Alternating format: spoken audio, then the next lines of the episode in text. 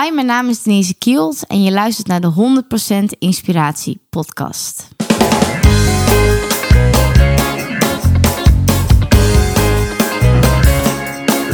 Hey, wat goed dat je luistert. Hij staat weer voor je klaar. Je wekelijkse dosis inspiratie is weer daar.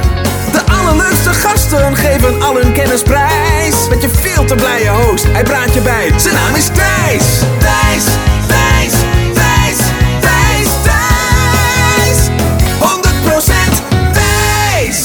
Welkom bij aflevering Intens 141. Met in deze aflevering Denise Kielholz. En Denise is 30 lentes jong, mocht je haar niet kennen.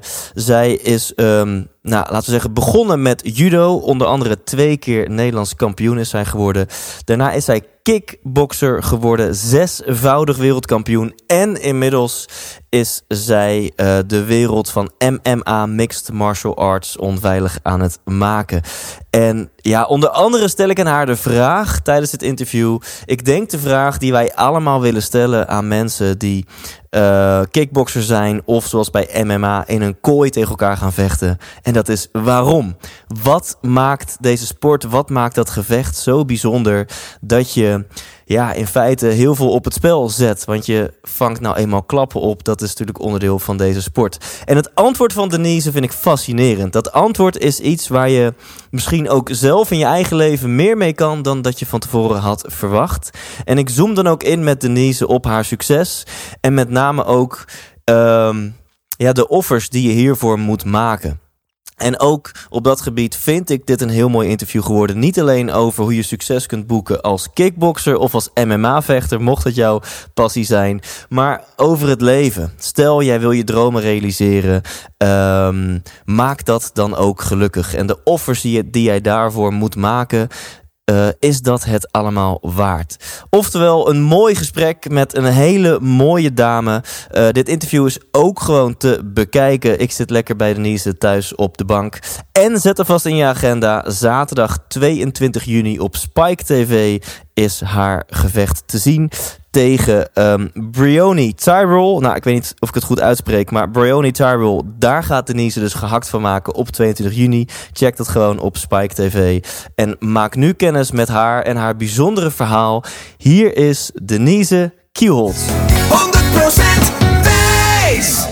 Zo, ik, ik heb net even een box gedaan met Denise. Levensgevaarlijk. maar het is, het is goed gegaan. Ik leef nog. Um, ja, voor de mensen die, die kijken, ik zit uh, uh, lekker bij jou op de bank. Althans, mensen die kijken, die zien mij niet, uh, maar, maar jou wel. Ja. Maar we zitten hier lekker relaxed bij jou, bij jou thuis hier in Amsterdam. Ja. En sowieso thanks dat je me hier hebt uitgenodigd. Ik vind het echt heel tof om hier bij jou te zijn en jou te mogen interviewen en je wat vragen te mogen stellen. Ja, zeker. Altijd welkom. um, En laat ik bij, want ik heb heel veel vragen. Ik zei het net al tegen je. En ik dacht, nou laten we de voorbespreking stoppen. Want ik moet mijn nieuwsgierigheid bewaren voor het Ja. interview. Dus ik mag eh, komend uur helemaal los. Uh, en ik begin bij het begin. Dat is mijn bekende eerste vraag. In elk geval voor de luisteraars dat een bekende eerste vraag. En dat is, uh, Denise, wat wil je worden als je later groot bent? Als ik later groot ben, dan wil ik een, uh, een zelfstandige oudere vrouw zijn. Die met een mooie blik terugkijkt op het leven en alle, al mijn dromen heb laten uitkomen. En al mijn wensen in vervulling heb laten gaan. En in ieder geval niks laten liggen, alles gepakt. En uh, mijn doelen bereikt hebben. En vooral gelukkig en gezond zijn. Ja. Dit klinkt alsof je een heel vol leven wil leiden. Klopt dat? Ja, dat klopt. ja, ja. En, Ja. en doe je dat ook al? Ja, zeker, zeker. Ik heb nu al dromen die ik, eh, die ik, die ik niet laat liggen. En eh, wensen die ik, wil, die ik wil doen, die doe ik al. En eh, ja, ik ben wel iemand die niet, niet op de bank zit en wacht tot iets naar me toe komt. Nee, Ja. ik ga er liever zelf heen en maak er zelf werk van om iets te bereiken. Ja. En de mensen zullen jou met name kennen hè, als, als kickboxer, MMA sinds een paar jaar ook. Ja. En succesvol.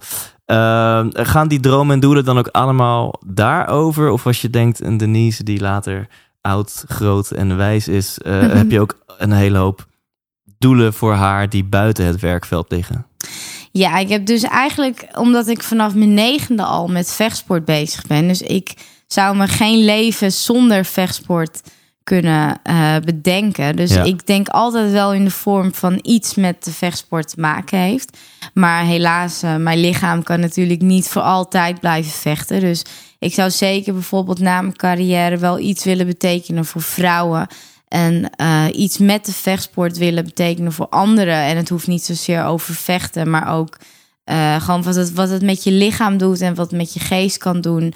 En eh, ja, om, om, het, om het podium wat groter te maken dan Ja. alleen maar voor vechters. Want ik zie vechtsport zeker als iets wat veel meer mensen buiten vechtsport eh goede indruk kan achterlaten. Ja, en als we eens beginnen bij, bij vechtsport, wat zijn dan jouw, zolang je lichaam nog super fit en vitaal is, we hadden het er net al even over, je bent nu net 30 geworden Ja, en je bent eigenlijk fitter dan eh, vijf jaar geleden. ja. Ehm, als we nog even dan binnen de vechtsport blijven, wat zijn nog dromen en doelen die jij wil gaan bereiken? Nou, in de vechtsport ehm, heb ik dus... eh, ik ben eh, zesvoudig wereldkampioen kickboksen. Dat was altijd mijn doel, om kampioen te worden en te blijven. En ehm, nu zeg maar dat ik een overstap heb gemaakt naar mixed martial arts... wil ik dus als eerste vrouwelijke vechter... ehm, die zowel de kickbokskampioene is... als ook de MMA-kampioen worden... En dat is wel echt iets wat op mijn lijstje staat en wat een doel is en wat ik zeker wil gaan behalen voordat ik mijn handschoen in de kast leg. En even voor de mensen die niet helemaal thuis zijn in de vechtsport. Bij kickboksen heb je een aantal regels. Bij boksen heb je een aantal regels dat je wel en niet mag doen. Ja, Bij judo natuurlijk al helemaal. ja. Eh, bij MMA, Mixed Martial Arts, is het eigenlijk hashtag YOLO, alles mag. ja, is heel, de regels zijn daar heel weinig. ja, dus ja.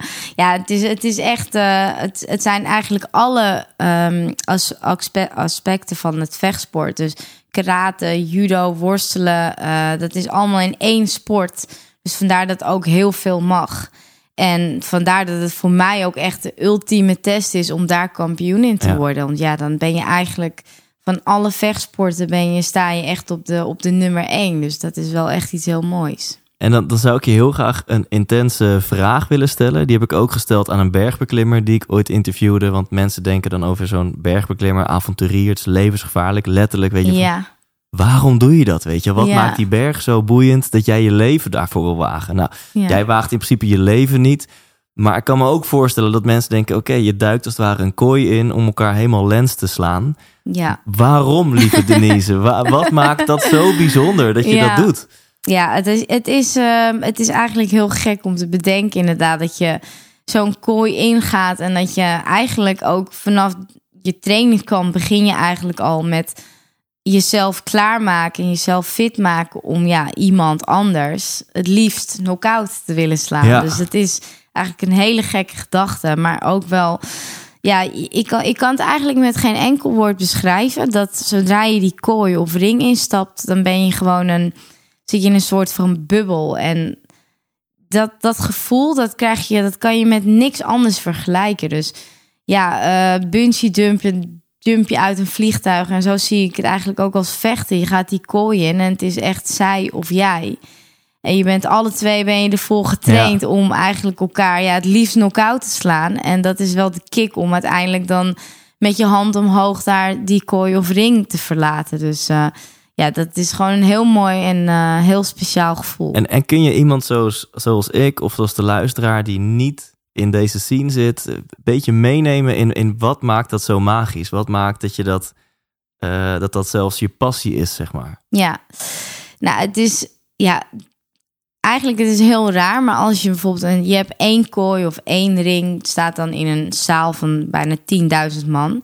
En zodra je op de catwalk loopt, dan hoor je en zie je natuurlijk iedereen en zie iedereen nog wel zitten. Maar zodra je die kooi instapt op je blote voetjes, zo kwetsbaar eigenlijk, en je ziet tegenover je iemand staan die eigenlijk hetzelfde doel heeft als jij. En zodra die bel gaat, dan is het gewoon jij of zij. En de rest eromheen, ook al zitten 10.000 man in die zaal, die, die hoor je niet of zie je niet. Het is echt jou en die tegenstander. En ja. het is heel intens, maar het is ook wel weer heel mooi. Want je hebt eigenlijk op dat moment, kijk je elkaar in de ogen en dan heb je een soort van hekel aan elkaar. En je wil eigenlijk elkaar echt, ja, vernielen, zeg Ja. maar. En zodra de laatste bel is gegaan, heb je alleen nog maar respect.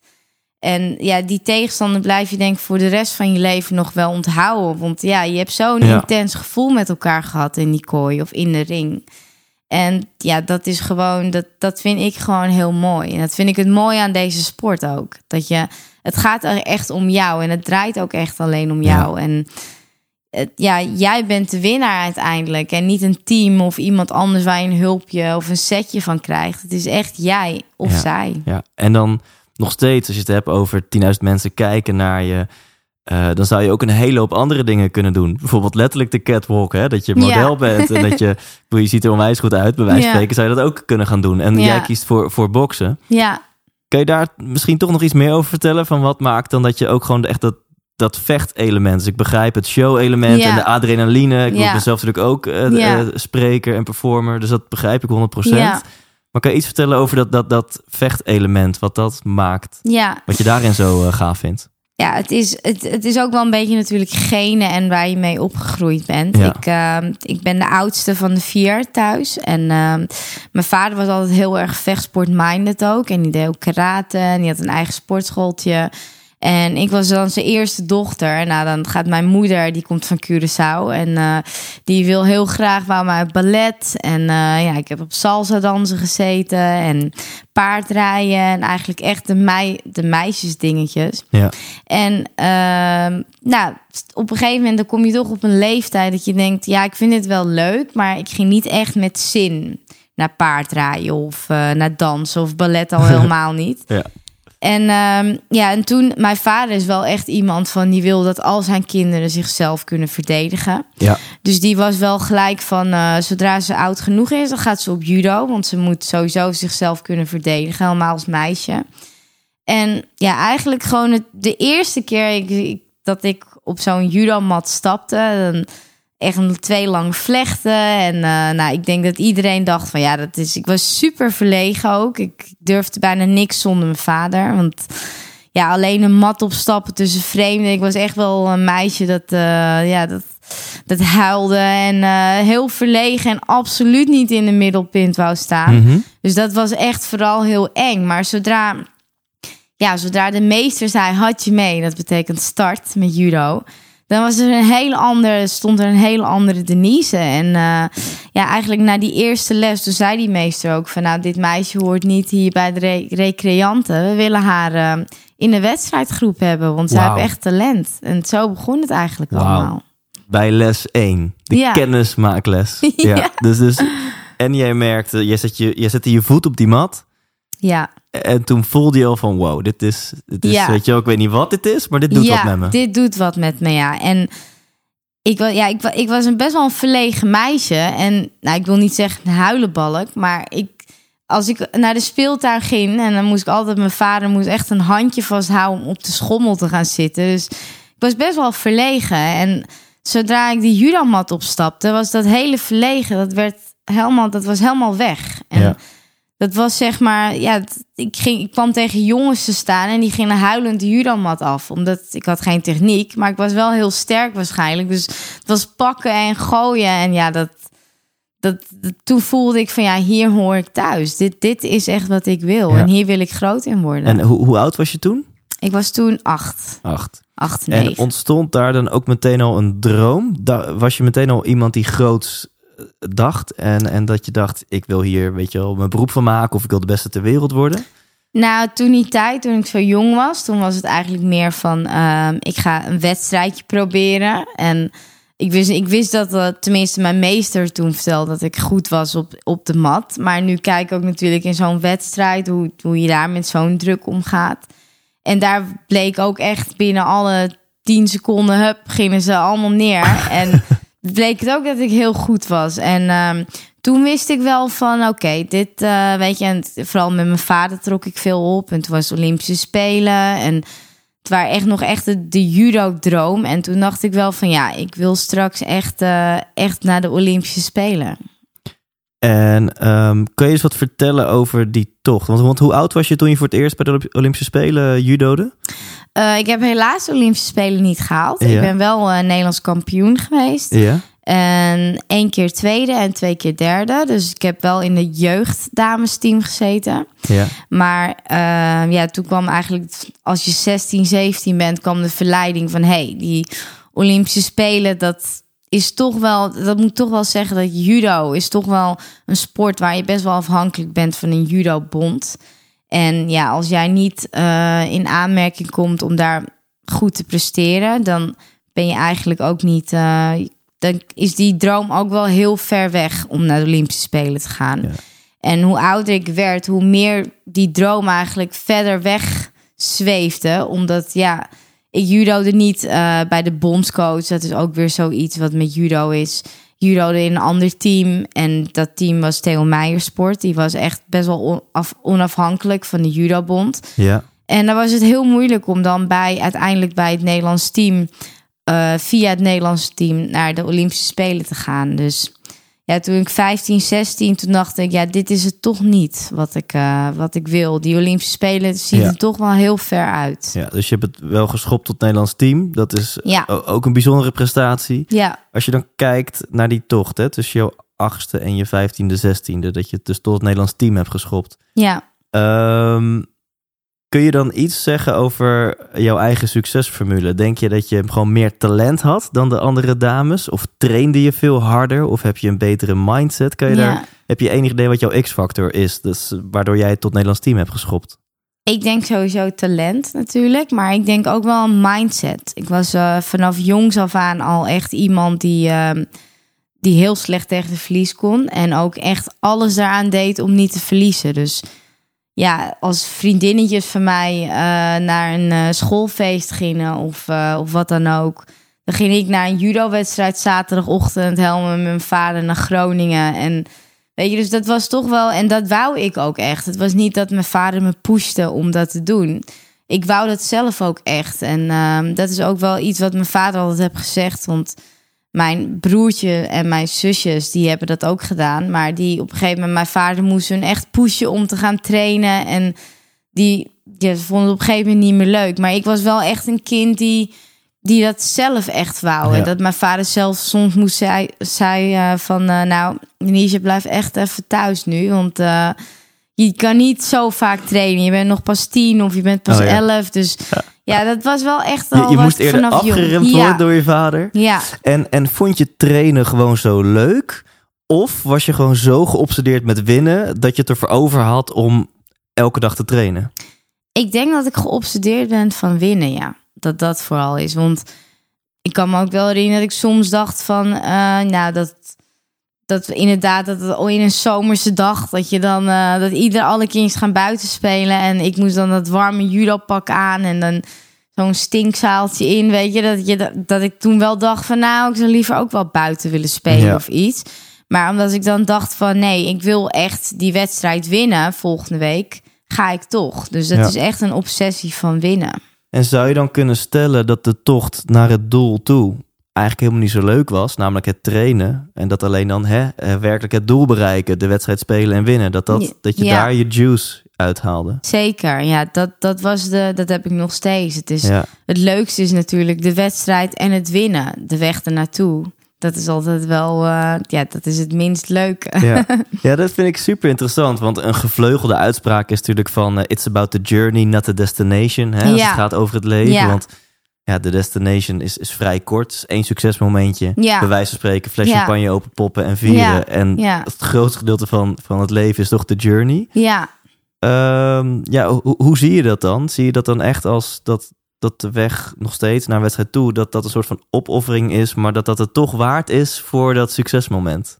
het is, ja, het is echt een opoffering inderdaad. Want eh, ja, je bent, je bent thuis, je, bent, je moet rusten, je moet eh, klaarmaken voor de volgende training. En dat is toch, ja, het zijn niet leuke, het zijn geen leuke dingen. Ik bedoel, eh, ik kan niet eten wat ik wil. Het, de weg ernaartoe is best wel zwaar. Maar ik denk ook wel dat als, ik, als dat allemaal veel makkelijker ging, dat uiteindelijk, eh, als je eenmaal in die kooi of in de ring of op de mat vroeger staat, dan denk ik vaak terug aan de dingen die ik ervoor heb moeten laten en de minder leuke momenten. En dat geeft mij juist weer motivatie om die dag juist te laten zien van hé, hey, dat is niet voor niks geweest. Dat, Ja. Ik ga nu echt laten zien dat ik het beste uit mezelf kan halen. En ik denk juist dat die journey, die moet erbij. Want als dat allemaal heel makkelijk ging... dan zou ik denk ik ook niet gepresteerd hebben... wat ik nu heb gepresteerd. Ja. Dus juist die tegenslagen, juist die dagen dat je denkt... waarom doe ik dit? Dat heeft me uiteindelijk die zes wereldtitels uh, laten winnen. En niet omdat ik zo even van de een of andere dag... vanuit de bank uh, in de ring sta. En, en jouw motivatie om te winnen... is dat een bepaalde drang om jezelf te bewijzen? Ja, ja. Het is wel echt. Uh, ik, heb, ik heb wel echt een, een hele aparte drang van. Uh, want ik heb ook heel vaak wedstrijden die ik win. En dat ik uiteindelijk. Ja, het klinkt heel raar. Maar dat ik gewoon in de kleedkamer aan het huilen ben. Omdat ik zelf vind dat ik niet goed heb gevochten. Oh ja. En er zijn dan mijn trainers van. weet je, kom op nou. je hebt gewonnen. En wat zei je nou hier? Maar dan vind ik het zelf vind ik het niet goed. En. Um, dat heb ik ook vroeger met judo gehad. En het is ook wel denk ik een beetje wat mijn vader me heeft geleerd. Want bijvoorbeeld vroeger met judo werd ik, uh, werd ik Nederlands kampioen. En toen won ik met een wasari de finale. En dat is zeven punten. En je hebt de ippon, dat is tien punten. Dat is de Mhm. hoogste punt. Ja. Dan is de wedstrijd gelijk afgelopen. Maar uh, toen had, was ik Nederlands kampioen geworden met een wasari. En uh, met die zeven punten. Toen liep ik van de mat af. En toen zei mijn vader, die zei van... Ja, je kon ook met een ippon winnen als je net even dat handje even wat harder had aangetrokken. Dan was het plat op de rug gevallen. En toen dacht ik wel van ja, dat klopt. En eigenlijk die instelling heb ik altijd gehad. Dat, van, dat ik eigenlijk hem volgde daarin en hem ook echt geloofde van Mhm. het kan altijd beter. Weet je, ik ben er nog niet. En dat is ook wel mijn kracht waarom ik altijd train en altijd meer wil. Ja. En altijd weer een ander doel op zoek. Dus ja, de een vroeger zei dus wel eens van tegen mijn vader van wow, ben je streng voor dat meisje, maar dat heeft mij zeker gemaakt dat waar ik nu ben. En ehm, heb je dan het idee, laat ik zo zeggen, geniet je van het leven, om zo te zeggen? Heb je het idee dat je van het leven geniet? Of, of geniet je van het winnen en de wedstrijden en, en daar leef je naartoe? Ja, nee, ik geniet wel echt van het. le- Ik geniet van elk moment. Ik bedoel van. Ik, ehm, ik ben afgestudeerd aan de Johan Cruijff University, sportmarketing. Ja. Maar ik heb nog nooit wat met mijn diploma gedaan. En ik kan ook nog wel, weet je, ik, ik kan ook op kantoor zitten van 9 tot 5. En eh, ja, echt werken. En nu leef ik gewoon echt mijn passie. En dat Ja. is trainen en vechten. Dus ik geniet daar wel echt van. Ik zie mezelf niet wat anders doen. Dus Ja. Elk moment dat ik juist hier op de bank kan zitten en kan praten over mijn vechten, daar geniet ik van. Dus ik zie het zeker niet als een Nee. straf. Nee, en dat, vind, dat zie ik ook aan je. Dat je geeft wel toe, het is echt niet leuk, dat trainen altijd. Dus aan de ene kant is het niet leuk, is het zelfs pijn, soms letterlijk. Vaak Ja. letterlijk waarschijnlijk. Ja, Eh, maar aan de andere kant geniet je er wel van, omdat er eh, toch een bepaalde zingeving in zit. Ja. Je weet heel goed waarom je het doet. ja zeker. Zeker. Dat, dat is echt eh, dat, inderdaad waarom ik het doe. Ja. En het allemaal voor een goed doel is. En ja, ik bedoel van, ik vind, ik zie mezelf altijd blijven trainen. Als ik op vakantie ben, dan train ik. Ik bedoel, ik zoek Ja. altijd wel een mogelijkheid om te blijven trainen. Dus trainen vind ik leuk. Alleen het is inderdaad sommige momenten dat je wel wat beters kan doen dan trainen. En eh, dat soort momenten zijn best wel pittig. Maar ja, dat is allemaal voor een doel. En dat doel is eenmaal. eh, mooi. Ja. ja. dat is wat passie met je doet. Ja, Dat, je dat, dat, ja. dat je dat lijden toch niet ervaart als lijden. Nee, nee, nee. Ik, het, het lijkt misschien dat ik het vertel als, als lijden, maar ik zie trainen bijvoorbeeld zeker niet als lijden. Ik bedoel, ik ben nog steeds elke dag dankbaar dat ik juist met mijn sport kan, dat ik van mijn sport kan leven en dat ik elke dag kan trainen en nog steeds doe wat ik leuk vind. Dus Ja, en dat die vechtersmentaliteit, hè, eh, en ook als we even terug in de tijd gaan, kwam dat puur ten, alleen tot uiting binnen de context van de sport? Of had je dat ook op school? En eh, als je een spelletje doet met vriendinnen of, of, of eh, whatever. ja, op school ook, ja. Ja, op school had ik ook echt eh, met een zesje had ik geen genoegen, zeg maar. En ehm, met, met gym bijvoorbeeld, eh, nou, spelletjes. Ik wou altijd winnen. Dus dat is wel echt iets, niet alleen met mijn vechtsport, maar ik heb altijd wel iets van, als ik iets wil, dan wil ik het ook echt. En dan doe ik er ook echt alles aan. Dus ja, dat is ook buiten de vechtsport, eh, zit dat bij mij best wel Ja. hoog. En, en, en enig idee waar dat vandaan komt? Ik denk ook ja, ik denk toch ook misschien inderdaad die band met mijn vader. Ik heb altijd wel tegen mijn vader opgekeken. Die had vroeger een eigen sportschool, een eigen zaak. Nou, die was natuurlijk da- dagelijks met mij bezig met judo. En die heeft ook altijd een instelling van, eh, ja, het kan altijd beter. En op alle vlakken. En dat heeft toch wel iets eh, wat ik denk van, ja, dat, eh, zo, zo ben ik eigenlijk ook wel. Op alle vlakken wil ik altijd wel beter zijn. Ja. Ja. En heb je dan ook wel eens andersom, dat je een wedstrijd verliest, maar dat je achteraf blij bent omdat je wel vindt dat je op je max hebt gepresteerd? Eh, nou, eigenlijk alle wedstrijden die ik heb verloren. En ehm, is, heb ik altijd, ben ik daarna altijd, eh, ja, ben ik eigenlijk eh, zeker niet, eh, niet te genieten. Niet echt zo. Hoe zeg je dat? Ja. ja. ja. Nee, ben ik, ben ik echt, nee, zoals toevallig dan mijn laatste wedstrijd in Amerika heb ik verloren. Met eigenlijk door een heel stom foutje van mezelf. En dat is ook wel weer het mooie van MMA. Dat een klein foutje zit in een heel klein hoekje, maar is voor je het weet, zit je erin. Mhm. En eh, nou, dat heeft mij toch wel echt, eh, ja, dat heeft mij zeker wel maanden geduurd voordat ik daar overheen ben eh, gekomen. Dus ik ben wel echt iemand dat, eh, nee, Ja. ik kan heel slecht tegen mijn verlies. Maar waar- waar zit hem dat in, die maanden om er overheen te komen? Omdat, het, omdat ik eigenlijk mezelf de schuld geef. Ik heb Ja. eigenlijk nooit, als ik een wedstrijd verlies... en met kickboksen heb ik, eh, heb ik drie wedstrijden verloren... maar heb ik alle drie heb ik met een rematch weer goed gezet... omdat ik vond dat ik niet had verloren. Dus dat zie ik eigenlijk, ja... Mhm. Ik heb er weer van gewonnen, dus Mhm. dat heb ik behaald. Maar met MMA, ik, ik zie namelijk nooit zelf dat een tegenstander echt duidelijk beter is dan mijzelf. Het is gewoon meer dat ik ergens tekort in ben gekomen. Dus een gaatje heb laten schieten, waardoor Ja. zij op dat moment wel beter is. Maar ik vind niet zozeer dat, dat zij beter was dan mij. Dat kan ik dus niet goed Ja, verkroppen. oké. ja, ja, dus je hebt eigenlijk nooit het idee dat iemand beter is dan jij. Nee, Je hebt altijd het idee, ja, hallo, je hebt alleen maar gewonnen omdat ik foutjes Ja. maakte. ja. En ik Ja. pak je wel een volgende keer. Ja, Ja. ja, ja, Ja. En dat, ik zou wel eens willen dat ik juist zou verliezen. En dat ik echt dacht van ja, het is, zij was gewoon echt beter. Oh ja. Maar dat is het juist niet. En dat, dat maakt het allemaal nog veel ja dat, erger. dat is het risico van de beste ter wereld zijn, Denise. Ja, dat is het niet. Klopt. Prachtig. En als we nog even teruggaan zeg maar, naar jouw life story. eh, Olympische Spelen, die, die droom om verschillende redenen liet je die gaan. Ja, Toen zat je nog volop in de judo. ja. Eh, heb je toen de switch gemaakt naar kickboksen? Eh, of in elk geval, waar, ja, waar is die switch gekomen? Ja, ik was dus een jaar of 17. En ehm, toen, ja, dan, dan kom je op een gegeven moment dat je van ook van damesjudo, of sorry, jeugdjudo, ga je in één keer naar de damesklasse. Dus dat is alweer een stapje hoger. Wordt allemaal een stuk zwaarder, een stuk serieuzer. Eh, wordt veel ja, selectiever gekozen welke judoka naar welk toernooi gaat. Dus alles wordt dan eigenlijk best wel wat, ja, wat groter en wat serieuzer. eh, moet je erover na gaan denken of je dat wel wilt. Ja. En, ehm, nou, en toen kwam dus eigenlijk een beetje de motivatie wat bij mij inzakte. Want ehm ik judo supergoed. Alleen ik kwam net even ergens tekort, waardoor ik steeds de boot miste. Ja.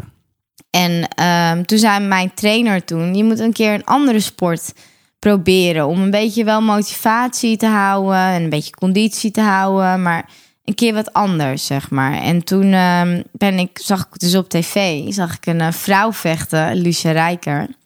Ja, en toen dacht ik, wow, dat, wat een vette sport. Een vrouw en een ring. En ja, toen dacht ik, dat ziet er zo cool uit. Dat wil ik ook wel gaan proberen. En toen ben ik eigenlijk een kickboxschooltje bij mij ons in de buurt ben ik, eh, ben ik ingestapt en heb ik het geprobeerd. En toen was eigenlijk hetzelfde verhaal als wat ik toen met judo had. Is dat toen de meester toen zei van wat, eh, wat ben jij sterk voor een meisje, weet je? Je hebt echt wel talent om ook te gaan kickboksen. En zodoende zei hij na een maand van nou, weet je wat, we gaan, eh, we gaan je een keer de ring ingooien en kijken hoe dat, hoe dat gaat. En dat heb ik gedaan. Had ik gewonnen binnen één minuut. Met low kicks. Ik kreeg Gewoon als ik had totaal geen techniek. En die maar... low kicks die kwamen vanuit judo of zo? Of, nou, eh, ook niet eens. Het was gewoon... eh, ja, want judo is, is heel anders. Dan mag je niet slaan, dan mag je niet Nee. schoppen. Je mag niet knieën. Het is echt... Eindelijk- eindelijk mocht je los. Ja, het is echt heel anders. Ja. Dus het was helemaal niet dat het zeg maar op elkaar leek. Waardoor ik misschien ook talent daarin zou hebben. Maar Ja. Ja, waarschijnlijk toch eh, ja, die vechtsportinstelling. Gewoon het zien, het kijken, het leuk vinden en het dan zelf doen.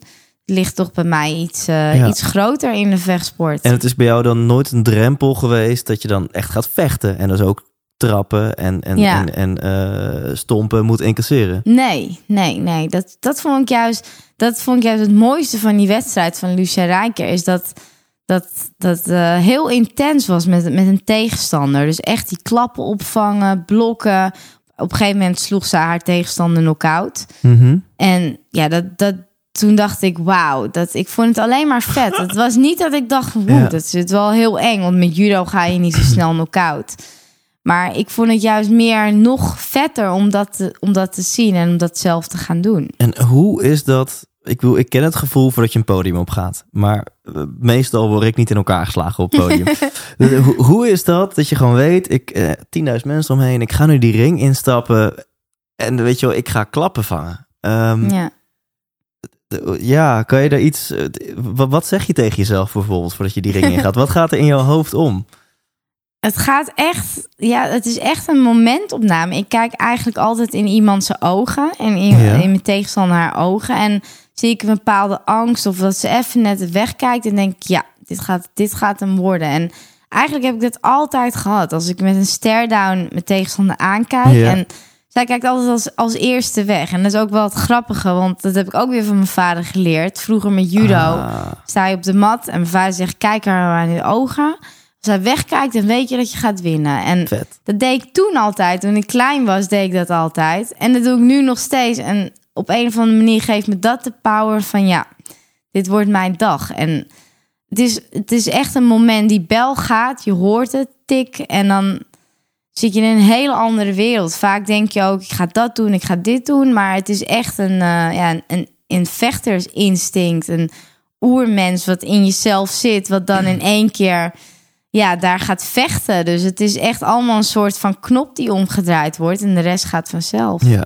En hoe is die Denise? Want ik, de, de Denise die nu tegenover me zit, dat no way dat dat de Denise is die de ring Nee. ingaat. Dan ben je in een compleet andere staat. Ja, ja. En is mensen die het alleen horen. eh, ja, check het ook eens op YouTube. Dan zie je hier zit gewoon een heel lief meisje. Ehm, kan je eens wat over die knop, die switch vertellen? Wat weet je ineens word je, I don't know, hoe zie je het zelf? Een tijger, een warrior? Ja. Wat, wat, eh, Ja. wa- waar verander je in en hoe gebeurt dat?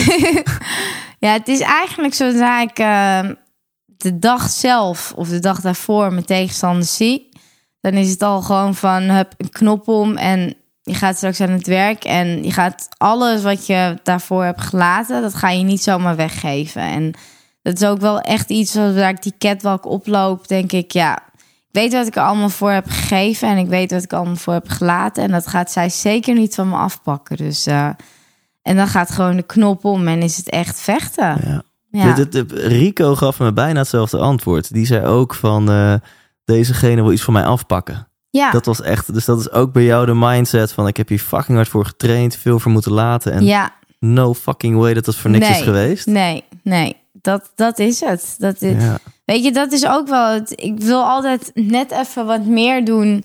Net even wat harder trainen. Net even wat, wat scherper zijn. En ja, net even altijd iets meer. En dat, dat denk ik van, dat moet echt niet allemaal voor niks zijn. Dat ik dat straks in de, in de kooi of Ja. in de ring laat afpakken door iemand wat ik altijd denk van... die kan nooit zo hard trainen als ik. Die kan dat nooit hebben gedaan wat ik doe. Ja. Dat, dat, dat kan niet, dat zij dat van mij gaat afpakken. En dat, dat is toch wel een soort mindset om, om uiteindelijk te winnen. En, en tijdens die wedstrijd, hoe, hoe, hoe voelen zeg maar de, de klappen? Als je mij nu op mijn bek zou slaan, heb ik echt pijn. en wil ik in een hoekje zitten en echt Ja. eventjes bijkomen van de pijn. Ja, Weet je wel? Je, dus jij vangt ze één voor één. ja. Is dat door de adrenaline dat je het wel voelt, maar dat het niet een ander soort pijn is? Of is het gewoon doorbijten door de pijn? Kan je daar eens wat over vertellen? het is wel echt een hele andere soort, eh, soort pijn. Kijk, als, we, als je mij nu zo'n klap zou geven, zou ik het ook zeker voelen. Maar het is, zodra je in een, in een kooi of in een ring of op de mat staat, dan gaat er een soort knop al om. En die adrenaline die gaat zo omhoog dat je een klap of stoot veel minder voelt. Dus in, helemaal in een kooi of in een ring voel ik eigenlijk niks van die klappen. Of ja, je Echt? voelt het natuurlijk wel, maar het is niet dat ik denk, auw, of oeh, of dit of dit. Het is echt na de ring dat ik soms in de spiegel kijk en denk, wow, dat heb ik niet eens gevoeld, weet je. Dus is echt een adrenaline knop die, eh, die zo, die hoog, zo hoog staat dat je dat eigenlijk niet zozeer voelt. Wauw. Ja. Dus je, je, je constateert het, zeg maar, heel droog. eh, maar je bent zo gefocust op, op de wedstrijd dat Ja, het doet dat geen het pijn. Niet, Ja, nee, het doet geen Ja. Ik heb nooit eh, in een wedstrijd dat ik denk, wauw, ik heb nu echt heel veel pijn. Ik heb wel eens gehad dat ik in een ring, dat ik heb gevochten en dat ik mijn voet, ik had een enkelkous om, dat ik voelde dat mijn enkelkous super strak zat. En toen keek ik naar beneden en dan was mijn voet echt zo dik geworden. Oh. En ik had op een knie getrapt. Oh. Maar dat, het was echt puur omdat ik mijn enkelkous strak aanvoelde. Dan dat ik de pijn had van de trap op dat moment dat ik maakte dat mijn voet zo dik werd. Ja. Dus het is echt, eh, ja, je zit echt vol, vol spanning, vol adrenaline dat je dat niet voelt. Ja. En als we dan teruggaan naar jouw live story, dus we gaan in dit interview gaan we lekker zo een beetje Ja. van, van het nu naar vroeger. Ik vind het tof. Ja, Ehm, je had dus een gigatalent voor kickboksen. Je eerste eh, chick die, waar je tegen moest vechten, die sloeg je binnen een minuut naar de grond. en ehm, eh, later ben je wereldkampioen geworden, sterker nog, vijf keer. Als ik het goed Zes heb. keer. Zes keer, sorry, sorry, zes keer. Ehm, kan je eens wat vertellen over, over die tocht vanaf je eerste wedstrijd tot aan de eerste keer wereldkampioen worden? ja. Nou, ik had dus eh, die eerste kickboxwedstrijd gevochten en ik judode toen nog. En toen had ik eigenlijk nog een beetje een halve droom van... ik wil naar de Olympische Spelen, maar ik wil ook misschien ook wel kickboxer kampioen worden. En ehm, toen was nog wel echt de periode dat het nog wel best wel belangrijk was of ik nou ging judoën of doorging. Want ik was al best wel ver gekomen. En om het zomaar in één keer te zeggen, ik stop ermee, is toch wel weer. Ja, daar was ik eigenlijk te ver voor gekomen in het judo om te zeggen, ik stop ermee en ik ga vanaf. Ik ga nu kickboksen na één Ja. wedstrijdje die ik toen had gewonnen. Ja. Dus en toen ben ik heel lang, dacht ik van nou, ik, ga, ik kan dit niet. Alle twee eh kickboksen en judo. Dus toen ben ik gewoon weer gaan judoën. En toen ik, toen ik 19 was, toen dacht ik wel echt van... ehm, ja, de judo, ik vind het wel heel leuk. Maar motivatie en inderdaad het echt leuk vinden... en echt met plezier naar de training gaan... dat werd steeds minder en dwaalde eigenlijk steeds meer af. En toen dacht ik, nou, weet je wat? Ik, ik stop er echt definitief mee Ja. met de judo-wedstrijden. En ik ga eh kickboksen. En toen ben ik eigenlijk weer gaan kickboksen. Dus vanaf, ik heb zeker twee, drie jaar ertussen gezeten. Vanaf die eerste wedstrijd. Dat ik gewoon weer ging judoën en niet ging kickboksen. En echt dacht nog van, ik ga naar de Olympische Spelen. Ja, dus ja. toen ik 19 was, toen heb ik echt mijn judo-pak in de, in de kast gehangen. En toen dacht ik, ik ben er ook echt klaar mee. En toen ben ik volledig voor kickboksen gegaan. En toen ehm zodoende tot aan mijn wereldtitels. En, En- toen dacht ik echt van, ik wil eerst wil ik kampioen worden, Ja. wereldkampioen worden. En dan eh, ben ik er wel, misschien is, ben ik er dan wel klaar mee. Maar na die eerste wereldtitel, dat proefde zo goed dat eh, ik wil kampioen gewoon ook echt blijven. Totdat ik echt helemaal klaar mee ben. En dus vanaf je 19e volledige focus op kickboksen. Ja, En on the side nog even een studie sportmarketing eh, afronden. ja dat ook nog. Ja, ja, ja. Wauw. en ehm, hoe, hoe zag je leven er toen uit? Was dat, was dat studie, trainen, slapen, eten, studie, trainen, slapen, eten? Ja, ja, ja, want ik, dat is ook wel het fijne van de Johan Cruijff University, is dat die eh, dus topsporters de mogelijkheid geven. Het is een, trouwens een HBO-opleiding, want ik zeg altijd university, maar het is gewoon een HBO-opleiding. Mhm. En ehm, eh, die geven dus de mogelijkheid om sporters eh, te laten sporten, trainen en wedstrijden doen, maar ook ehm, een, een studie af te ronden. Dus mijn school was twee keer in de week naar school. Heel veel thuis doen, want dat is wel heel wat er tussen haakjes. Heel veel mensen denken, oh, ik hoef maar twee dagen naar school, maar je moet heel veel thuis doen. En eh, ja, dus het was echt thuis studeren, trainen, slapen inderdaad. En weer trainen, wedstrijden doen. Toen judo'de ik nog een beetje. Nou, op een gegeven moment ging ik ook echt kickboksen. Dus het was echt school, slapen, trainen, wedstrijden doen. En dat was het eigenlijk. Dus eh, ja, mijn jeugd was best wel, eh, was niet eh, dat ik eh, dag en nacht in de stad rondhing. Nee, nee, En hoe zag jouw sociale leven eruit in die periode? Nou, ik heb me nooit alleen gevoeld, want ik had altijd vriendinnen die ook in de sport zaten, omdat Mhm. je natuurlijk, ja, je, je ziet, je vriendinnen zijn gewoon je judo-maatjes of je trainingsmaatjes, dus wat dat betreft heb ik gewoon altijd wel, eh, ja, gewoon wel een vriendengroep wat in de sport zat. Dus ik had Ja. geen vrienden die het niet begrepen waarom ik niet de stad in ging. Ja, dus dat, dat was ook wel fijn. Eigenlijk was het misschien niet te doen om vrienden, vriendinnen te hebben buiten de sport. Nee, nee, nee, nee. Het is echt. eh, en ook natuurlijk op school. Ik bedoel, ik zat in een klas met, eh, met alleen maar topsporters. En het leukste is, vind ik dat nu ook heel veel van het damesvoetbal, eh, van het voetbalteam wat nu in het WK zit. Dus zaten ook heel veel meiden bij mij toen in de klas. Dus het, ja, je zit in een soort vanzelfde cultuur. Dus niemand, iedereen had zijn eigen wereld waarin Ja. sport heel groot was. En er was niemand die tegen mij zei: Nou, ik begrijp niet waarom jij naar de sportschool gaat. Dus, Ja, je leeft in een wereld waarin het gewoon dood normaal Ja. is dat je zo gefocust Ja. bezig bent met één doel. ja, ja, ja. Ja. En ehm, wat vond je in jouw, jouw, jouw tocht naar je eerste wereldtitel toe? Wat vond je het allermoeilijkste? Ehm, het allermoeilijkste vond ik toen toch wel dat je, je gaat vanaf die eerste wedstrijd, dat je, dat je, ja, dat je, dat je wint en dat je uiteindelijk denkt, hier wil ik groot in worden. En die weg ernaartoe moet je natuurlijk heel veel wedstrijden winnen, heel veel toernooien winnen. En dan kijk je er zo naar op en dan denk je, hey, dit gaat goed. En dan sta je in één keer voor het, voor het gevecht van, voor een wereldtitel. En dan komt er toch wel een klein stemmetje in je hoofd van... hey, je hebt dat allemaal gedaan. Wat nou als je verliest? Weet je, wat ga je dan doen? En op een gegeven moment was die druk van in mijn hoofd... en dat heb ik nog steeds wel... van dat, dat, dat bang zijn om te verliezen... dat dat op een gegeven moment groter werd... Hm, dan het plezier hebben van... hey, ik ga voor een wereldtitel vechten. En dat heb ik nog steeds wel een beetje... dat de angst om te verliezen is bij mij heel groot. die is en dat, soms groter dan het verlangen om te winnen. Zeg ja, maar. ja, ja, ja, ja. Dus eh, dat was op een gegeven moment wel een punt dat ik vooral voor die titel vocht en dan gelukkig won. Maar er was wel daarvoor dat ik het eerste moment dacht van... hé, hey, ik kan ook wel straks verliezen en dan heb ik al die wedstrijden en zo er naartoe geleefd. En Ja. altijd denken dat ik eh, Olympische Spelen is me niet gelukt. Nou, ik wil wereldkampioen. Wat nou als dit ook niet lukt? Ja.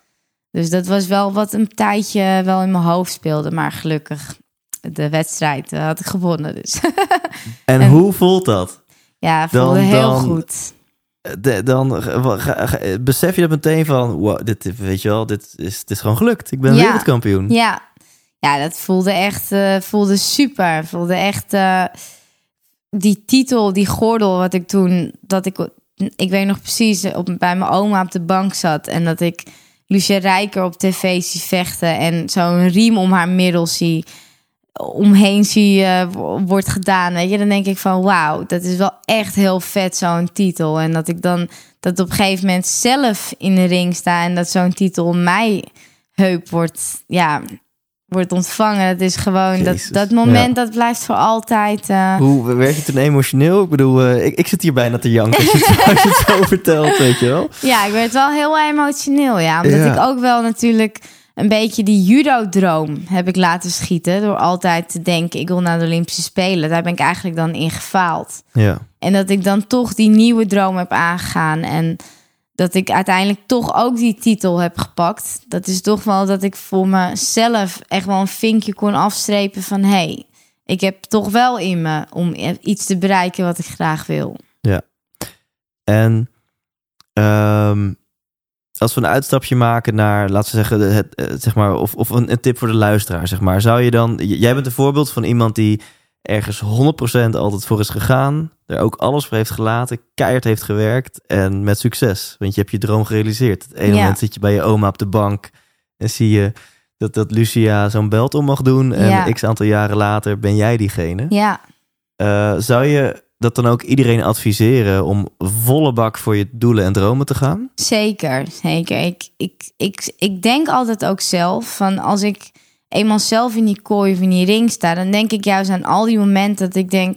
ja, dat heb ik toen echt vol, daar heb ik mezelf vol in gegeven. En dat soort momenten maakt mij sterk om juist dat te overwinnen. Want als ik ergens half werk heb geleverd of de ring in ben gegaan met half trainen en half op de bank liggen en chips eten, heb ik er niet alles voor gedaan. En vind ik ook dat ik het niet verdien om uiteindelijk die winst te pakken. Ja. Ik vind wel als je een doel hebt, dat je daar wel echt volle 100% voor moet gaan. En niet denken, ik doe half werk of Ja.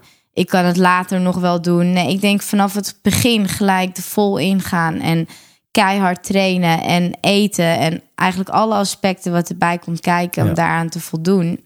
Denk ik dat het uiteindelijk voor jezelf heb je ook je doel bereikt. Want ja, je kan bijvoorbeeld een wedstrijd winnen, maar misschien half werk hebben geleverd. Maar als je bent pas echt trots als je weet van ja, ik heb er alles aan gedaan.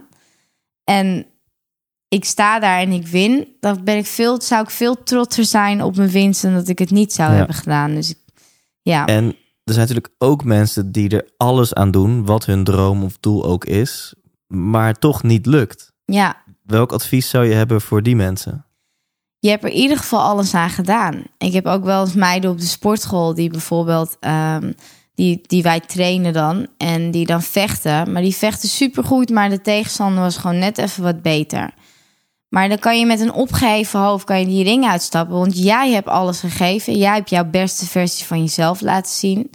Je hebt niks laten liggen, je hebt alles gepakt. En uiteindelijk is het je dag niet, dat kan ook. Ja, Maar je hebt er wel zelf alles, alles aan gedaan en alles uitgehaald. En dan vind ik dat je gewoon alleen maar trots zijn, mag zijn op jezelf. ja, En ja, dat heb ik zelf ook wel eens gehad. Dat ik, eh, dat ik met judo-wedstrijden, dat zeker wel meiden beter waren dan mij. Maar ja, ik heb er alles aan gedaan. Dus dan, dan valt de verlies valt wel ja. valt beter te verwerken dan dat ik het half werk zou doen. Ja, Ja. wa- Wat ik hierin hoor is koppel je geluk los van het succes.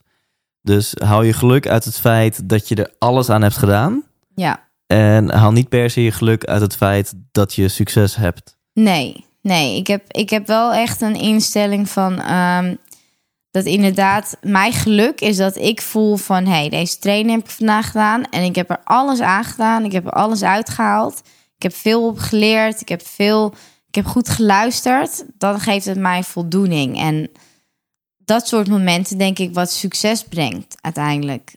Om ja, de, de beste versie van jezelf te laten zien in elk moment van de dag eigenlijk. En Ja. ik- ik denk dat je alleen op zo'n manier echt succes kan boeken. Ja, ja eh, we hebben nog heel veel jaren te gaan, gelukkig op deze mooie aarde. Maar stel, Ja. jij zou nu bij de hemelpoort staan en Petrus die vraagt aan jou: Hey Denise, heb jij tot nu toe in je leven zeg maar eh, hey, je grootste talenten benut en het beste gegeven wat je te geven hebt? Ja, Dan is denk ik jouw antwoord een volmondig ja. ja, duizend procent. Ja. Duizend procent. Ja. ja, Mooi. ja, die voel ik. Ja, dat, is- dat, is wat ik, dus ik hoop ook dat een luisteraar dat ook voelt en merkt van wow, kan, weet je, kan ik die volmondige ja geven? Ja, Hè, wat, wat het ook is. Wil je een kinderboerderij in Frankrijk gaan beginnen, weet je wel, ga daarvoor. alles. Ja, En, zeker. eh, ehm, ja, geef, het, eh, geef alles wat je hebt. En dan, nou, klein, klein sprongetje. Je bent niet één keer wereldkampioen eh, eh, geworden. Niet vijf keer, excuses, maar zelfs zes keer. ja, Ehm, en toen dacht Denise, nou, MMA, Mixed Martial Arts, let's fucking try. Ja. wat, wat maakte dat je, ja, wat maakte dat je, dat je, dat je die keuze, die sprong ging maken? Nou eigenlijk ook omdat ik natuurlijk heb gejudo'd. Dus Ja. het, het, het grondwerk en het vechten op de grond, dat is wel iets wat, wat ik al een beetje kon. En dat is eigenlijk wel een grappig verhaal, want ehm, tijdens mijn kickboxcarrière dacht ik tussendoor... hey, ik heb gejudo'd, ik heb een zwarte band, ik kan ook wel wat op de grond. Ik ga ook een MMA-wedstrijdje proberen. Nou, toen ben ik zwaar afgestraft, want toen kwam ik tegen een Braziliaanse en die legde mij staand in een of andere rare klem waar ik helemaal niet meer uitkwam. Nou, toen werd mijn ego dat ik dacht dat ik dat wel eventjes kon doen. En het is ook weer iets waardoor ik eigenlijk heb ik zelf half werk geleverd. Want ik dacht dat ik dat wel eventjes kon doen. Maar ik trainde helemaal niet echt Mhm. per se goed MMA. En ik was niet gefocust van hier ga ik goed in worden. Ik wou het gewoon eventjes gaan proberen. En toen ben ik zwaar afgestraft. Toen moest ik aftikken met een armklem.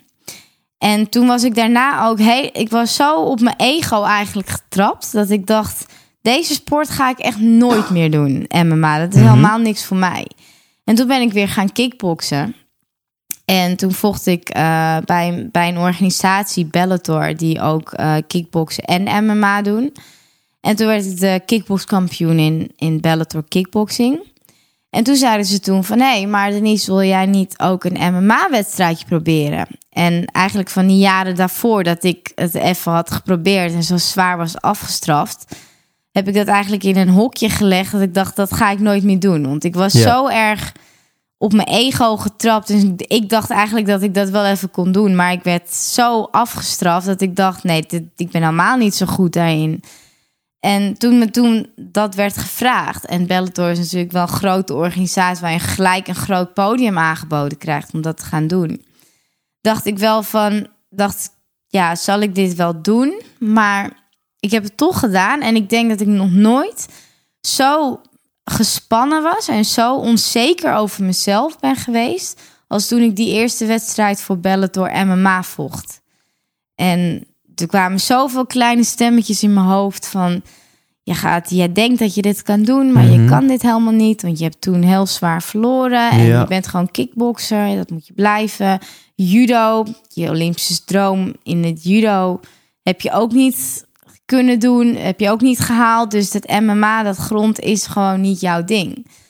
En die stemmetjes waren zo in overvloed... dat ik echt voor het eerst dacht in een wedstrijd ik ga denk ik verliezen zometeen. En Terwijl ik er wel alles aan heb gedaan Ja. trainingen en mijn best heb gedaan. Maar op een of andere manier dat stemmetje van die onzekerheid Ja. van de verliespartij daarvoor was zo groot dat het ja dat dat echt dat ik voor het eerst echt in de in de kleedkamer zat en normaal ben ik helemaal alle energie en denk ik ja ik ga er tegenaan Ja. en nu zat ik eigenlijk en nou niet dat ik kon huilen maar het, ik stond wel op springen van nou weet je, ik, dit gaat hem vandaag niet worden. En ehm, ja, dat gevoel, uiteindelijk hebben mijn coaches en mijn man toen, die zei ook van, die zag dat gelijk en die hup opstaan. Ik, dit is niet Denise die wij kennen, weet je. Dus, en eh, nou, uiteindelijk weet je, je ook weer de, pep talk van trainers en van, van je team. Van je, hebt, je hebt hier zoveel aan gedaan, weet je. Je gaat nu niet voor de kooi zo in één keer opgeven.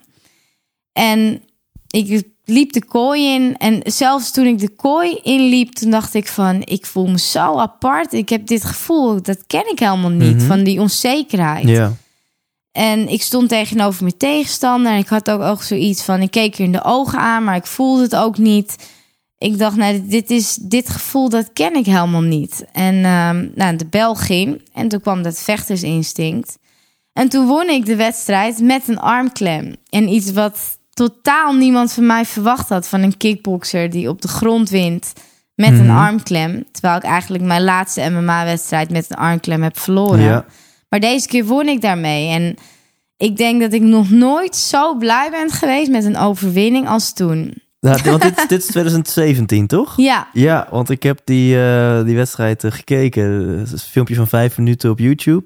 Met eh, echt een waanzinnig commentaar, ook van de Engelse commentatoren. En ik zie daar... dat ik zo een rondje in een ring spring en Ja, helemaal eh, bijna huilen. En ja, nou, dat was dat moment. ja, oh, te gek. Ik zal zo even een linkje delen ook onderaan deze episode. Want dat Ja. is wel... eh, Nou, het is fantastisch om iemand zo blij te zien. Ja, en dat dus de, het gevoel daarvoor, dat ik echt dacht, ik kan dit niet. En dat is voor de eerste keer dat ik echt zelf dacht, ik kan dit helemaal niet. En dat ik dan toch zo win, dat ik vergat die hele camera's. Want als ik nu terugkijk, denk ik ook, wow, hoeveel rondjes heb ik daar gesprongen en huilen tegen de Ja. scheidsrechter. En nou, dat, ik was zo blij dat ik, ik, dat heb ik nog nooit gevoeld zo. Zo'n vreugde en zo, zo blij zijn dat ik heb gewonnen. Dus Ja. En nu is je droom eh, wereldkampioen worden in MMA. Ja. Wat, wat is daarvoor nodig?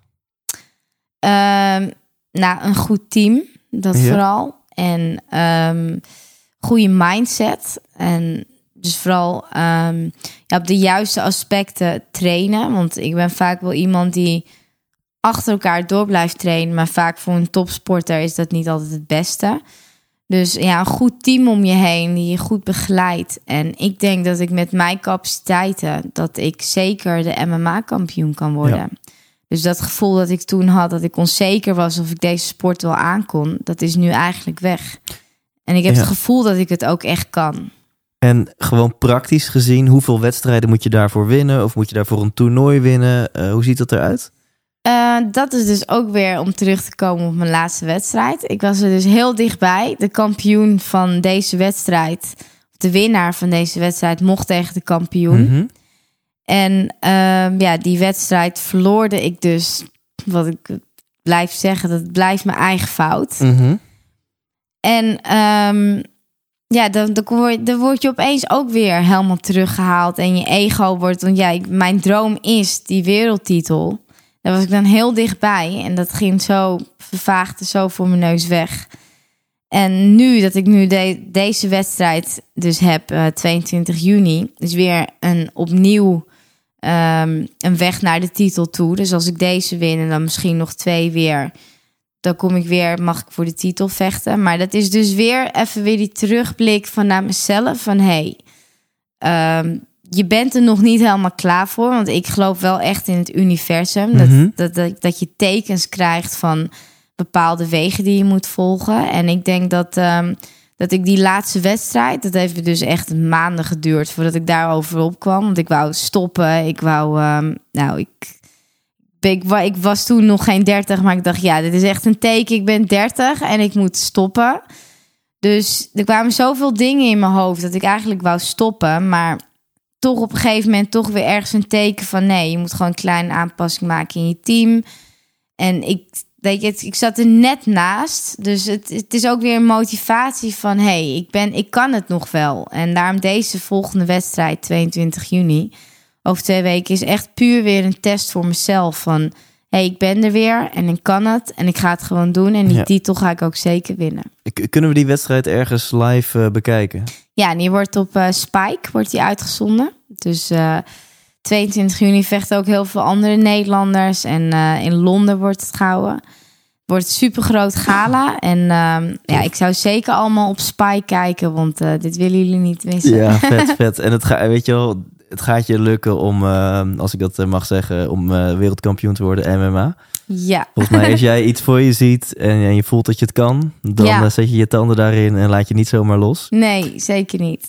Ehm, en om dan terug te komen op waar we het interview mee begonnen. Uiteindelijk, ja, hè, je carrière heeft een houdbaarheidsdatum. Als jij eh 65 bent, sta je waarschijnlijk niet meer in de ring. Nee, waarschijnlijk iets daarvoor al niet meer. nee. Ehm, is het ook, om daar eens mee te beginnen, eh, kijk je er tegenop? Hè? Het moment dat je stopt als topsporter? Of verlang je er ook wel een beetje naar? Dat je denkt van, oh, maar relax. Dan hoef ik niet meer telkens die druk van de volgende wedstrijd te hebben. Nee, op, daarom heb ik ook op. Want ik heb vroeger altijd gezegd: als ik 30 ben, stop ik ermee. Maar dat, dat gevoel, dat moet echt komen. Want je hebt ook heel veel vechters die stoppen ermee. Die, gaan, die nemen kinderen of.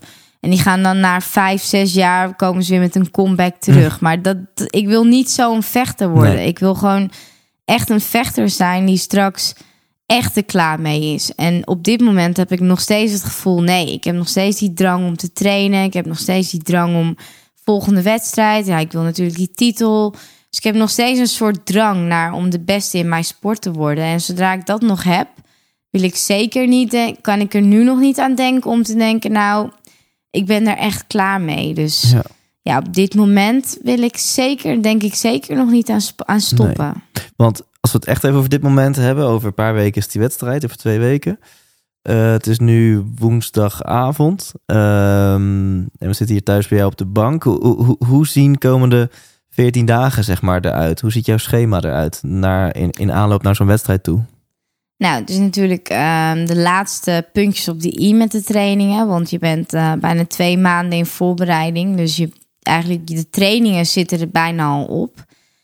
En eh, ja, het is nu een beetje bijhouden. Nou, ik moet natuurlijk een klein beetje gewicht maken. Dat is ook wel het voordeel dat ik, ehm, dat ik best wel lang al aan het trainen ben. En dus niet te veel hoef af te vallen. Dus ik hoef eigenlijk bijna niks af te vallen. Het is nu alleen een eetpatroon aanhouden. Mhm. Eh, heel veel rusten, heel veel, ehm, ja, je lichaam vooral laten, maar ook mentaal ook vooral je, jezelf rust geven. Omdat Mhm. De afgelopen weken waren best wel intens. Veel klappen genomen, naar kleine blessures, eh, hele zware trainingen zeker. Maar en dan is nu de laatste week is het vooral je lichaam rust gunnen en hongerig worden om uiteindelijk straks in die kooi te staan. Dus dat. eh, En in termen van, van uren, eh, hoeveel dagen per week train je? Hoeveel uren per dag? Hoe ziet dat eruit? ik train zes dagen in de week en twee keer op een dag. En de trainingen zijn dan eh, zeker een uur tot twee uur eh, zijn we wel bezig. Ja. ja. En is dan zondag je rustdag? Ja, zondag is dan zeker mijn rustdag. Ja. Kun je lekker Formule 1 kijken? Nou, dat niet. Gematigd enthousiasme. Nee, dat niet. ja, nee. En ehm, eh, ja, zo dadelijk, als je ehm, bent gestopt als, als topsporter, wat wordt dan jouw missie? Want daar vertelde je eh, helemaal aan het begin ook kort wat over. Ja. Hè? Eh, op, op wat voor manier denk je dan dat jij ehm, eh, wellicht andere vrouwen gaat, gaat inspireren om, om zelfverzekerder en zelfstandiger Ja. te worden? Nou, ik denk dus dat vooral omdat, omdat ik natuurlijk zelf heb meegemaakt. Maar ik denk dat. ehm, ik vind dat vrouwen hier in Nederland sowieso. dat de vechtsport in aandacht. veel meer kan doen voor de maatschappij dan wat het nu doet. Ja. En dat vrouwen die, die, die het misschien zelf niet eens weten. maar ieder, ik denk dat elke vrouw wel een soort van vechtertje in zich heeft. En op elke manier dan ook. op niet per se in de vechtsportwereld, maar op elk vlak in het leven kan je daar wel Ja. gebruik van maken. En ik hoop dat met deze sport na mijn carrière dat ik dat kan overbrengen aan jeugd, vrouwen, maar ook niet per se vrouwen aan, aan de mens kan overdragen van luister, het is een sport wat goed voor je lichaam is, maar ook mentaal. Weet je, word je een stuk zelfverzekerder van, staat veel sterker in de maatschappij. En ik hoop dat, dat ik dat kan overbrengen met mijn ervaring en mijn titels en mijn dingen die ik heb meegemaakt. Dat ik daar vrouwen mee kan helpen en uit een soort sleur probeer te trekken van hey, jullie zijn er ook. En met deze sport kan je echt zoveel sterker staan. En ik hoop dat ik met deze sport toch wel en uiteindelijk na mijn carrière deze vrouwen kan helpen en iets voor hun kan betekenen. Ja. Ja, zit je ermee dat deze sport eh, veel vooroordelen heeft bij mensen? Ja, ja. Het is wel nog steeds. Kijk, nu wordt het op tv uitgezonden, maar het was vroeger van. Als je zei dat je aan kickboksen deed, judo eigenlijk al, was al van, "Huh, dat is toch voor jongens? Of eh, Oh ja. weet je, dat, dat zijn toch alleen maar van, ja, dat, doen geen vrouwen, doen dat niet. Dus het is wel een soort vooroordeel wat vrouwen hebben in deze sport. En ik denk dat wij een veel groter podium verdienen dan wat we nu krijgen. En vooral ook in Nederland. Er zijn zoveel vrouwen die supergoed zijn, die zoveel talent hebben. En, maar waar je gewoon niks van hoort of waar het uiteindelijk verwatert, omdat die gewoon dat podium niet krijgen en de motivatie uiteindelijk ontbreekt. Ja. En ik denk dat met mijn steun en met mijn ervaring, dat ik dit soort vrouwen zeker kan helpen. Ja. En op, op, wat voor manier zie je jouw rol dan zo dadelijk? Zou je eh, ja, veel trainingen willen geven of misschien Ja. op het podium willen staan om, om mensen te inspireren? ja. Heb je daar al ideeën over? Ja, dus inderdaad, ik zou heel graag, maar ik heb zoveel verhalen wat ik Mhm. kan vertellen, waardoor ik denk van soms van mezelf van wow, dat ik dat heb meegemaakt en dat dat me nog zeg maar zo heb gebracht waar ik nu ben. Ik denk dat ik met die verhalen, niet alleen maar met vechters, maar ook met andere mensen, dat, dat kan overbrengen en dat ik daar echt wel een, ehm, een verhaal mee weet te vertellen, waardoor ik mensen kan inspireren om ook iets te, te doen wat een doel wat hun willen bereiken, dat ze dat ook echt kunnen doen. Dus inderdaad, van spreken zou ik heel leuk vinden. Maar ik zou het, ik zou het zelf ook heel leuk vinden om een damesteam te hebben. Met allemaal vrouwelijke vechters die talent hebben en hun daarin te begeleiden. Ook het managen, ook het trainen en eigenlijk alles wat erbij komt kijken. Want het, het is wel, het, is, het blijft een mannenwereld. En Ja. ik zelf ook. Als vrouw zijn, dan ben je toch ehm, kwetsbaarder dan een man in deze wereld. Omdat we to- gewoon in de minderheid zijn. En ik denk dat met mijn ervaring dat ik dit soort vrouwen echt een ja, veel meer een boost kan geven om uiteindelijk veel sterker daar te staan. En dat, dat, dat mist nog wel een beetje, vind ik, Ja. deze wereld. En, en buiten de sport zou je, eh bij wijze van spreken, elke vrouw willen inspireren om te gaan kickboksen. Niet per se in de ring, Ja. maar als een sport. Als sport op zich. Ja. Wat, zeker. welke benefits heeft dat in jouw ogen voor, eh, ja, voor de meeste vrouwen? het, kijk, het is toch best wel eng. Ik bedoel, de, de vechtsport en ik bedoel van het kickboksen is best wel extreem. Maar bijvoorbeeld de judo. Ik heb vanochtend een vrouw die heeft heel erg angst om, uh, om fysiek contact te hebben met iemand anders. En uh, mijn trainer vroeg of ik met haar een, pot, een potje wou stoeien, judoën. Om dat contact zeg maar te leggen. En ze trok haar judopak aan en ze vond dat contact met mij, dus ik ben een vrouw, maar dat vond ze al best wel eng. En uiteindelijk toen we eenmaal een beetje begonnen, en we doen natuurlijk rustig aan, een klein beetje een, een houtgreepje, werd zij, groeide zij steeds meer. En die angst, die, die overwon zij, dat ze dat contact met mij legde, dat ze niet had verwacht had. En toen de rondjes afgelopen waren, was een hele andere vrouw die tegenover mij stond. Was heel, veel zelfverzekerder. En ze wist zelf niet eens dat ze die krachten had om uiteindelijk fysiek met mij contact te hebben. En dan zie je dat er zo'n verandering in ontstaat. Dat, dat het vechten op zich, mensen denken, zien misschien bloed en blauw oog, maar dat het ook op een hele andere Mhm. manier je kan inspireren om, om sterker te worden. En ik denk dat er veel meer vrouwen zijn die het toch best wel eng vinden om zo'n gym in te gaan en denken: wow, al die mannen hier, wat moet ik hier tussen doen? Ja. En dat als je het eenmaal probeert en die, die eerste drempel overheen gaat, dat je dan veel, eh, er veel meer uit kan halen. En ik denk dat ik dan wel de juiste persoon ben om mensen daarom Ja. een klein duwtje in te geven. Ja, het is bijna therapie als je het zo zegt. Ja. Je hebt natuurlijk ook een hele hoop coaches die gaan expres wandelen in de natuur met hun Ja. klanten. Eh, en dit is gewoon een hele praktische vorm van, Ja. van angsten overwinnen Ja. en zelfverzekerder worden. Heel, heel, die vrouw die had, die die was dus dat fysieke contact. En ze deed dat judo pak aan, vond ze al heel eng. Mij vastpakken vond ze al heel eng. Nou, in houtgreep mij vastpakken vond ze heel eng. Maar op een gegeven moment dat ze, dat ze mij stevig moest, ik zeg, nou, hou mij vast en probeer me echt op de grond te houden.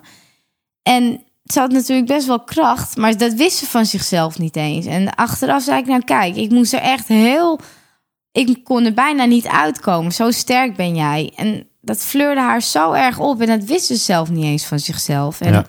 ze ging al heel anders de mat af dan dat ze de mat opstapte. Dus dat zo'n klein verschil Ja. kan maken. Voelt het voor jou krachtig dat je weet, als je over straat loopt, dat je in principe iedereen aan kan? Mocht iemand jou eh, lastigvallen, zeg maar, dat je daar totaal niet bang voor hoeft te zijn.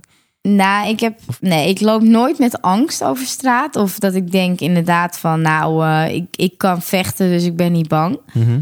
Maar ik heb inderdaad wel op bepaalde posities, vroeger vooral op school, dat ik op de middelbare school zat, dat ik echt wel dacht van, eh, ik ben niet het meisje wat gepest is ge- geweest of iets. Of ehm, Mhm. ook niet zeker niet die andere pesten. Maar ik heb me altijd wel echt wel zelfverzekerd gevoeld. En heel zeker van mezelf wie ik ben. Doordat ik aan vechtsport heb gedaan. Ja. Dus eh, dat heeft me wel echt wel eh, zeker geholpen. Ja. Ja, ja. Ondertussen komt je vriend Ja, binnengelopen. ja, Ja, die zijn thuis. Ja. dat is te gek. ja. Ehm, en we zijn ook aan het einde van het interview. Dus, dus tot slot heb je een, een slotboodschap. gewoon überhaupt naar de luisteraar. Of wellicht specifiek voor een vrouwelijke luisteraar. Die je nog wil meegeven. Nou, ik heb dus eigenlijk meer een, eh, een boodschap inderdaad voor alle luisteraars. Want ehm, vooral een, een tip ook en wat ik aan mezelf koppel... is dat ik altijd, dus wat ik ook in het gesprek heb gezegd... dat ik altijd alles probeer eruit te halen, alles heb gegeven...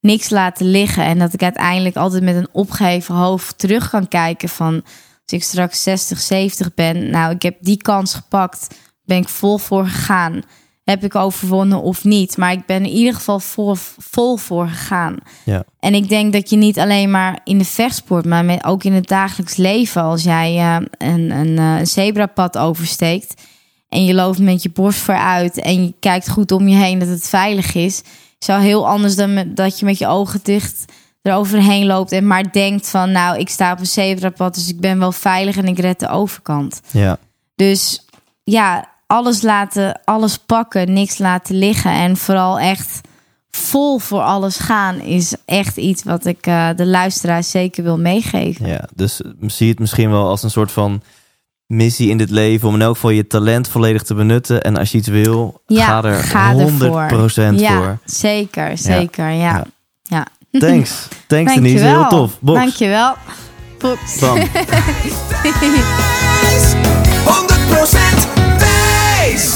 Thank you, thank you, thank you Denise dat jij zo uitgebreid eh, nog vlak voor jouw wedstrijd de tijd hebt genomen om mij bij jou thuis te ontvangen en om alle vragen te beantwoorden. Eh, voor jou als luisteraar of kijker ook bedankt voor het kijken of luisteren en zet vooral 22 juni in je agenda op Spike TV, want dan gaat Denise gehakt maken van haar tegenstander Bryony Tyrell. Dus Denise, nogmaals bedankt. Ik heb zo het gevoel dat wij elkaar vaker gaan ontmoeten. Ik hoop dat jij als luisteraar of kijker geïnspireerd bent geraakt. Zet 22 juni in je agenda en hopelijk tot volgende week. Leef intens.